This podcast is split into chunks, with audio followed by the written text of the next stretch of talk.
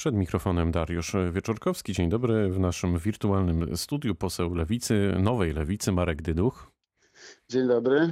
Panie pośle, zacznę od e, cytatu. Włodzimierz Czarzasty z kolegami przechodzą do historii jako wielcy likwidatorzy SLD. Nie ja opuszczam SLD, ale SLD opuszcza mnie. Czy pan wie, czyje to są słowa?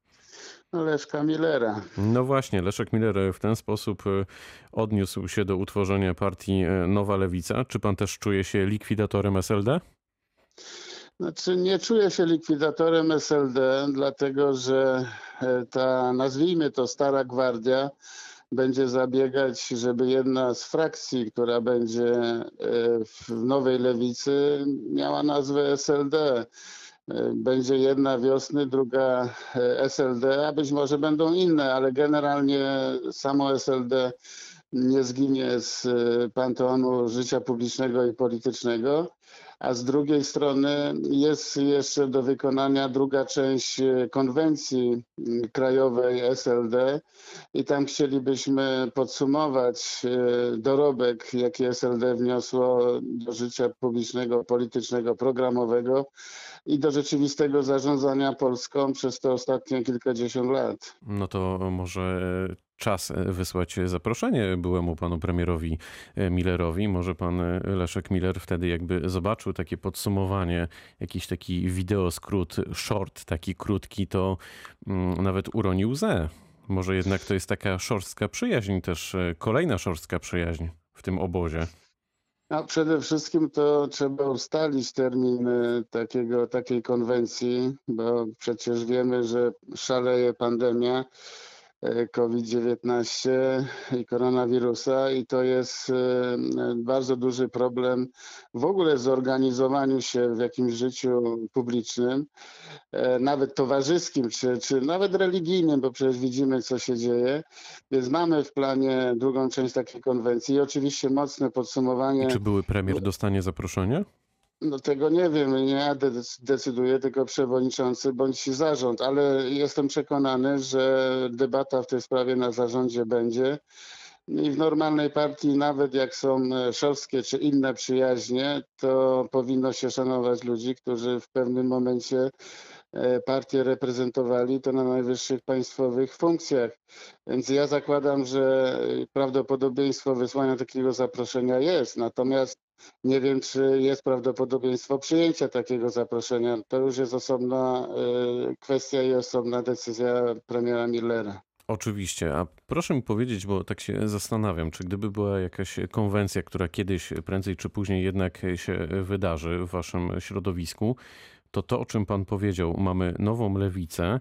I co, i będzie takie podlogo SLD i nowa lewica wiosna, czy, czy, czy o co chodzi tutaj z tymi frakcjami? No tak, bo taka jest idea tego połączenia, że e, frakcja, e, która będzie się składać z członków wiosny, bo tak naprawdę to oni wstępują e, no, jeszcze do starego SLD, bo struktury byłego SLD jeszcze funkcjonują, automatycznie stają się członkami nowej lewicy, no i mają oczywiście możliwość założenia frakcji wiosny, żeby wyodrębnić też ich ten młody jeszcze byt na, na, na scenie politycznej i z drugiej strony no, co najmniej ta druga frakcja, czyli SLD, składająca się z członków SLD, którzy się tam zdeklarują.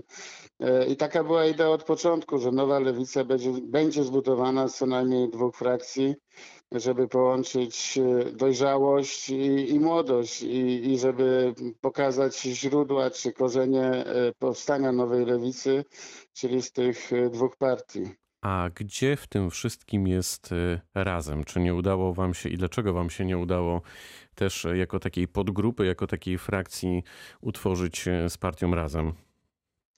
No to się jeszcze wy, wydarzyło przed wyborami w 2019 roku, gdzie Robert Biedroń z Włodzimierzem Czarzastym zaproponowali utworzenie jednej partii też i dla Razem, ale już wtedy, jeszcze przed wyborami, przed aktem wyborczym, razem poinformowało, że na tym etapie nie chce się łączyć w jedną partię. Mają swoje doświadczenia w tej sprawie.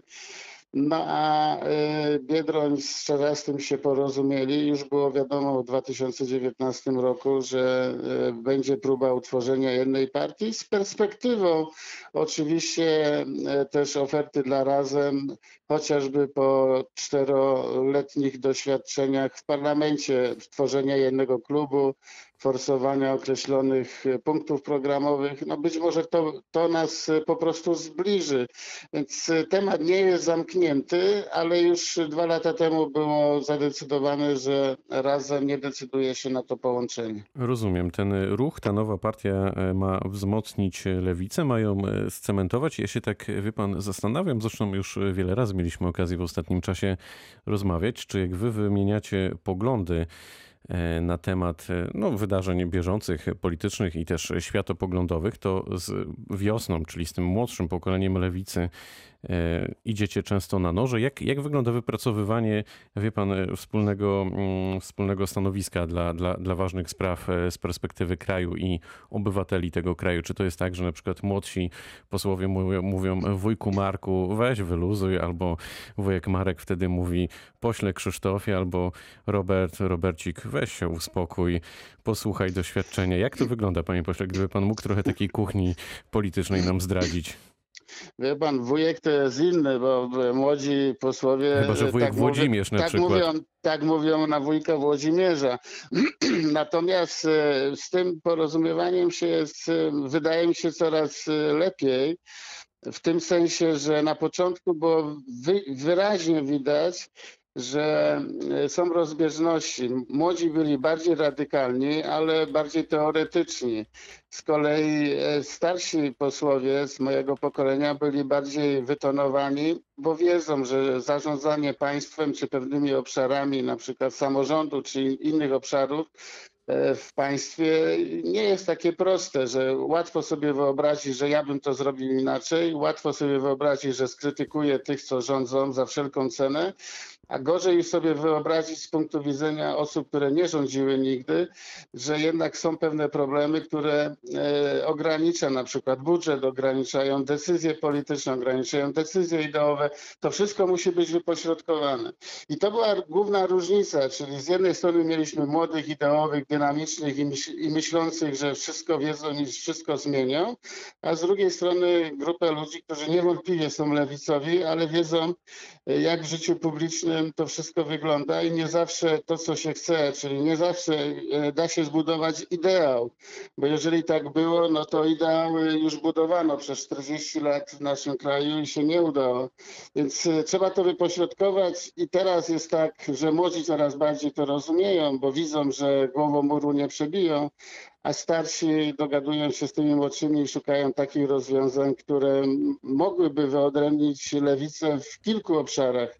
Nie tylko w takiej, jak jest teraz e, postrzegana, czyli wolnościowych, ale i gospodarczych, ale i społecznych, ale i jeżeli chodzi o sposób funkcjonowania państwa. No to przyznam szczerze, że to jest e, prawdziwie romantyczna e, historia, naprawdę, która, którą teraz nam pan e, opowiedział. Czy w takim razie Lewica poprze Europejski Fundusz Odbudowy?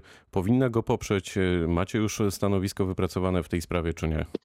Stanowiska nie mamy wypracowanego jeszcze, dlatego że jest na to czas. Patrząc na to, co się dzieje w Niemczech, gdzie ta decyzja została zablokowana przez Trybunał niemiecki w kontekście uchwał e, Bundestagu.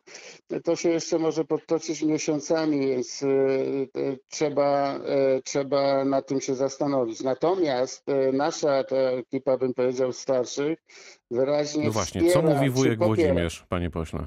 No, wujek Włodzimierz się już wypowiedział, że poprzemy te ratyfikacje i właśnie to moje pokolenie bezwzględnie chce tą ratyfikację poprzeć, dlatego że 256 miliardów e, złotych e, funduszu na odbudowę gospodarki, część dotacji, część e, w kredycie. No i nie wyobrażamy sobie, patrząc z punktu widzenia państwa, że polityka, że podziały polskie w polityce mogłyby przeszkodzić y, pozyskaniu takich środków. Po drugie, e, te środki, jak i wszystkie w Unii Europejskiej, które otrzymujemy, są obarczone w pozytywnym tego słowa znaczeniu, że Polska musi być krajem praworządnym, bo jeżeli nie, to je, one zostaną wstrzymane. To jest bardzo ważny warunek e, całości. Natomiast nasze uwagi dotyczą podziału tych środków.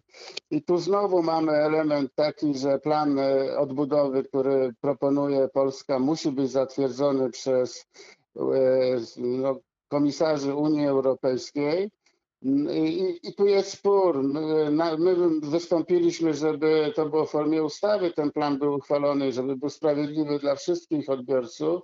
No a e, jednak procedura może spowodować, że takiego planu w formie ustawy nie będzie. Będzie plan, ale przekazany przez polski rząd. I oczywiście w tej sprawie my się domagamy, żeby ten podział tych środków był jak najbardziej sprawiedliwy i obiektywny, czyli żeby nie decydowały kryteria polityczne o podziale tych środków, a kryteria merytoryczne. Ale generalnie e, jestem przekonany, że Lewica poprze e, ratyfikację tego, tej, tej umowy w sumie, bo dlatego, że to jest właśnie umowa między Polską a Unią Europejską, musi nastąpić ratyfikacja. No to e, na koniec naszego spotkania, panie pośle, tak przed świętami, e, proszę powiedzieć, co pan myśli o tym, czy kościoły powinny zostać zamykane przed świętami i na świętach, w trakcie świąt pozostać zamknięte, czy nie?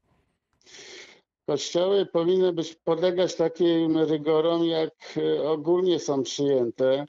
Jeżeli są obszary życia, w których, e, e, w których e, są pewne możliwości no, załatwiania ludzkich spraw, chociażby zakupy przedświąteczne, czy, czy sposób spotykania się na święta po kilka osób w rodzinie, tak samo i w kościołach powinny być pewne rygory, jeżeli chodzi o odległość, jeżeli chodzi o sposób celebrowania mszy, mówię o ilości osób. Natomiast y, ja jestem przeciwnikiem zamykania jako takich kościołów, bo to oczywiście wywoła falę niezadowoleń i oczywiście wywoła e, bardzo następne podziały wśród Polaków. Ale rygory, które są ogólnie zastosowane, e, powinny być również, e, powinny również dotyczyć mszy i, i całej celebracji świąt wielkanocnych. No to niech to będzie puenta naszego spotkania. Dużo zdrowia, e, panie pośle, e, dla pana i pana politycznych dzieci. E, gościem naszym był dziś poseł Lewicy Marek Dyduch. Bardzo dziękuję za spotkanie. Dziękuję i spokojnych świąt życzę wszystkim. Pytał Dariusz Wieczorkowski. Dobrego dnia.